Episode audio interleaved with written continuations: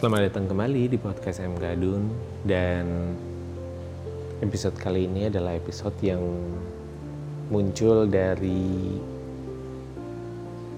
pemikiran ide sederhana ketika saya uh, menerima pesan dari salah satu teman yang mungkin sebenarnya bercanda ya. Jadi dia bilang sebagai Om Gadun, saya adalah orang yang kaya dan bahagia. Hal yang pertama saya lakukan adalah langsung saya aminin, kenceng-kenceng dalam hati ya. Langsung saya aminin. Siapa sih yang nggak mau menjadi kaya dan bahagia? Karena banyak sekali orang yang kaya, tapi tidak bahagia. Atau mungkin saja dia bahagia, tapi hidupnya ya hanya pas-pasan saja. Jadi begitu ada teman yang bilang satu kata, Om Gadun kaya dan bahagia, langsung saya aminin dalam hati. Oke, okay, gini loh. Buat saya hubungan antara kaya dan bahagia itu sebenarnya tidak ada. Banyak kok saya melihat contoh-contoh orang kaya orang yang bisa dibilang masuk dalam kategori konglomerat. Dia mau beli apa aja ada, dia punya aset berkelimpahan, dia punya bisnis gede-gede banget. Tapi apakah mereka uh, kelihatan bahagia? Belum tentu.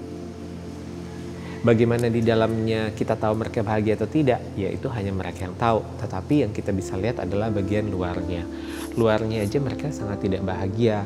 Kelihatan dari banyaknya percekcokan keluarga yang mereka alami eh, kelihatan dari banyaknya masalah yang sering mereka obrolin dengan teman-temannya. Kemudian adanya persinggungan-persinggungan dengan teman atau kolega bisnisnya juga gitu. dari situ saya bisa bilang bahwa menjadi kaya belum tentu dia bahagia memang orang bilang uang bukan segala-galanya. Uang tidak bisa membeli kebahagiaan. Tapi nggak ada uang juga nggak akan ada segala-galanya kan. Jadi ini adalah dua hal yang nggak bisa di, dijadikan satu. Sebenarnya berhubungan, tapi menurut saya tidak berhubungan langsung. Paling ya saling mendukung aja karena di sisi lain saya juga banyak kok punya teman-teman yang sebenarnya uh, hidupnya biasa-biasa saja, ada di level menengah. Secara ekonomi mereka ada di level menengah, tapi sangat bahagia. Mereka begitu akur dengan keluarganya, mereka uh, bisa berhubungan baik dengan sahabat-sahabatnya, bahkan mereka punya banyak waktu untuk berlibur, mereka bisa memisahkan waktu antara kapan mereka bekerja, kapan mereka bersenang-senang, kapan mereka melakukan liburan panjang, dan itu bisa mereka lakukan.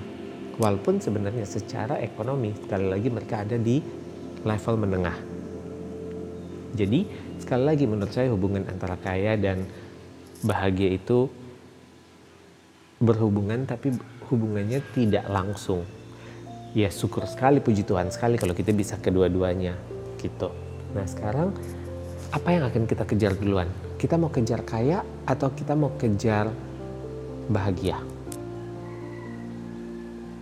Kalau kaya dan bahagia bisa kita dapetin sekaligus, itulah yang namanya kemakmuran. Kaya saja tapi tidak bahagia, apalah artinya? bahagia saja, tapi belum mencapai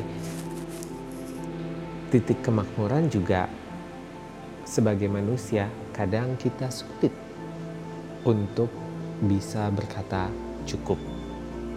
Memang sudah kodratnya mungkin manusia itu selalu tidak ada rasa cukupnya. Manusia itu selalu merasa akan selalu kurang.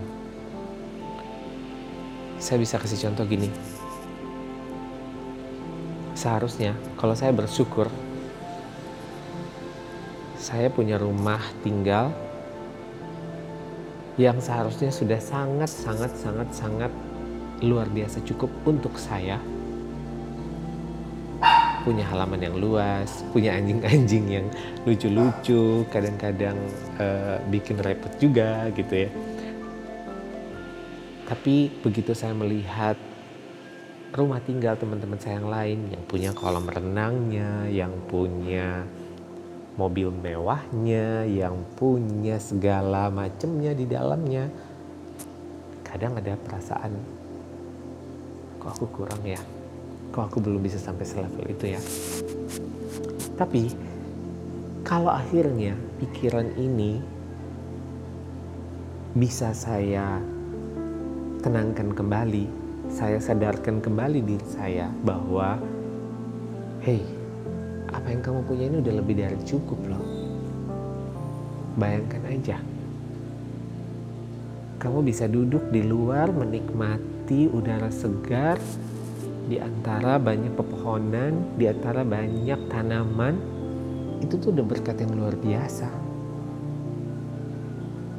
Kamu tidak terlalu stres mikirin pekerjaan dengan kondisi yang saat ini juga sedang tidak menentu, itu tuh sebenarnya sudah berkat yang luar biasa. Lalu apalagi yang masih dirasa kurang? Cuma memang namanya kita manusia, kadang rasa cukup itu sulit untuk kita penuhi. Sampai kadang-kadang saya suka berpikir keinginan kedagingan saya ini lebih besar daripada kebutuhan yang sebenarnya harus saya penuhi.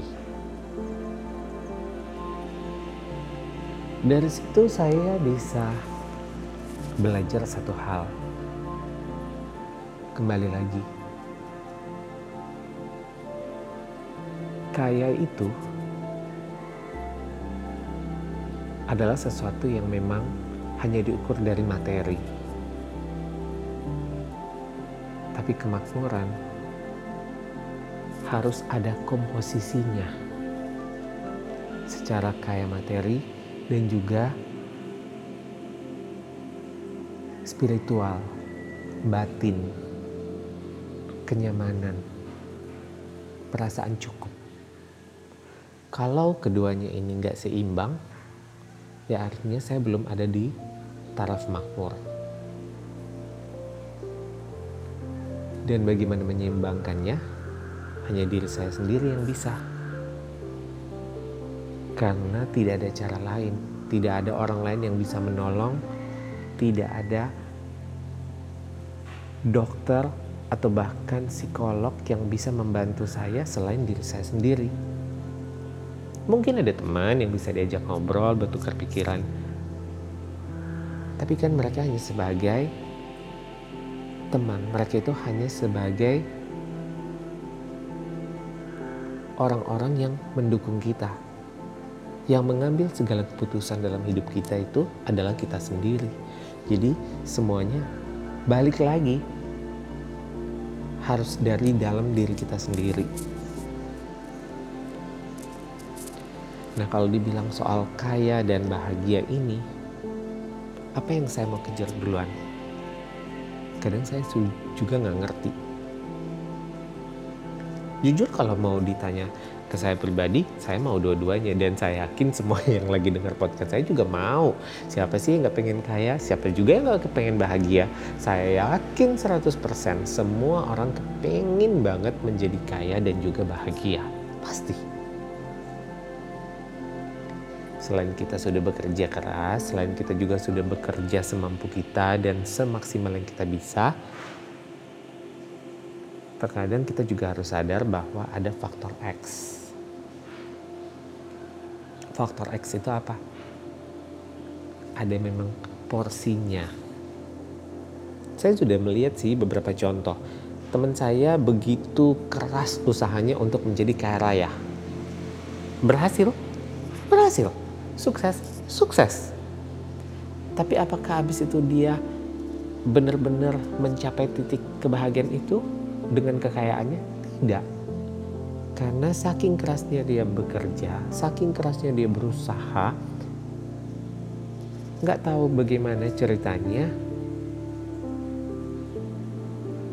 Salah satu dari anggota keluarganya mengalami sakit dan akhirnya uang yang selama ini sudah berhasil dikumpulkan harus dialokasikan untuk keperluan lain, bukan untuk keperluan diri dia sendiri untuk menyenangkan diri dia dan keluarganya. Jadi menurut saya balik lagi semua usaha yang kita lakukan itu memang akan ada faktor X-nya. Tapi bukan berarti juga kemudian karena mentang-mentang ada faktor X-nya ini dan kemudian kita berpikiran, ah udahlah ngapain kita kerja, ah udahlah ngapain kita uh, cari duit capek-capek. Atau juga jalan nasib sudah ada yang ngatur.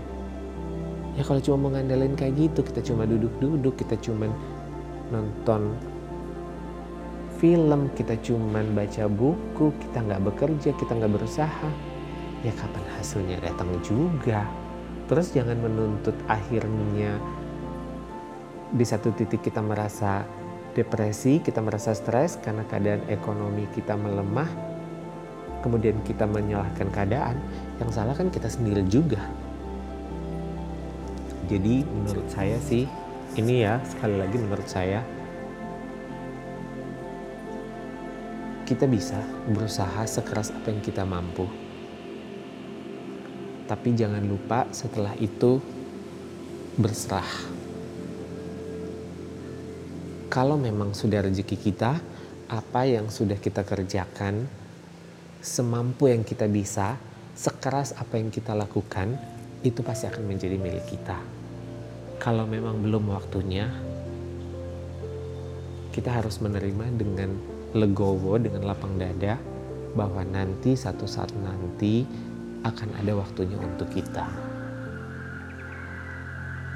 Dan saya rasa setelah kita bisa melewati fase itu, kita akan sedikit demi sedikit akan masuk di level kebahagiaan. Karena kebahagiaan itu dari dalam, dari diri kita sendiri, tidak dari orang lain. Karena kebahagiaan itu kita yang buat. Kebahagiaan itu adalah permainan pikiran kita sendiri.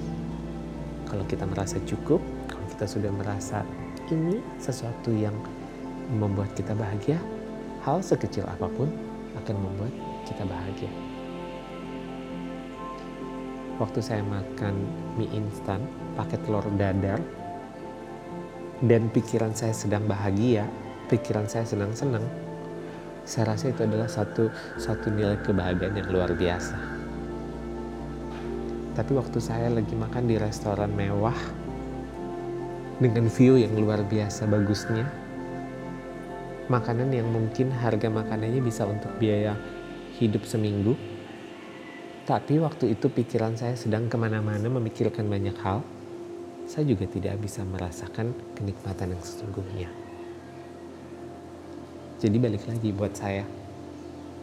Korelasi antara kaya dan bahagia itu ada hubungannya tapi tidak langsung. Kalau kita bisa dapetin keduanya, itu adalah berkat yang luar biasa.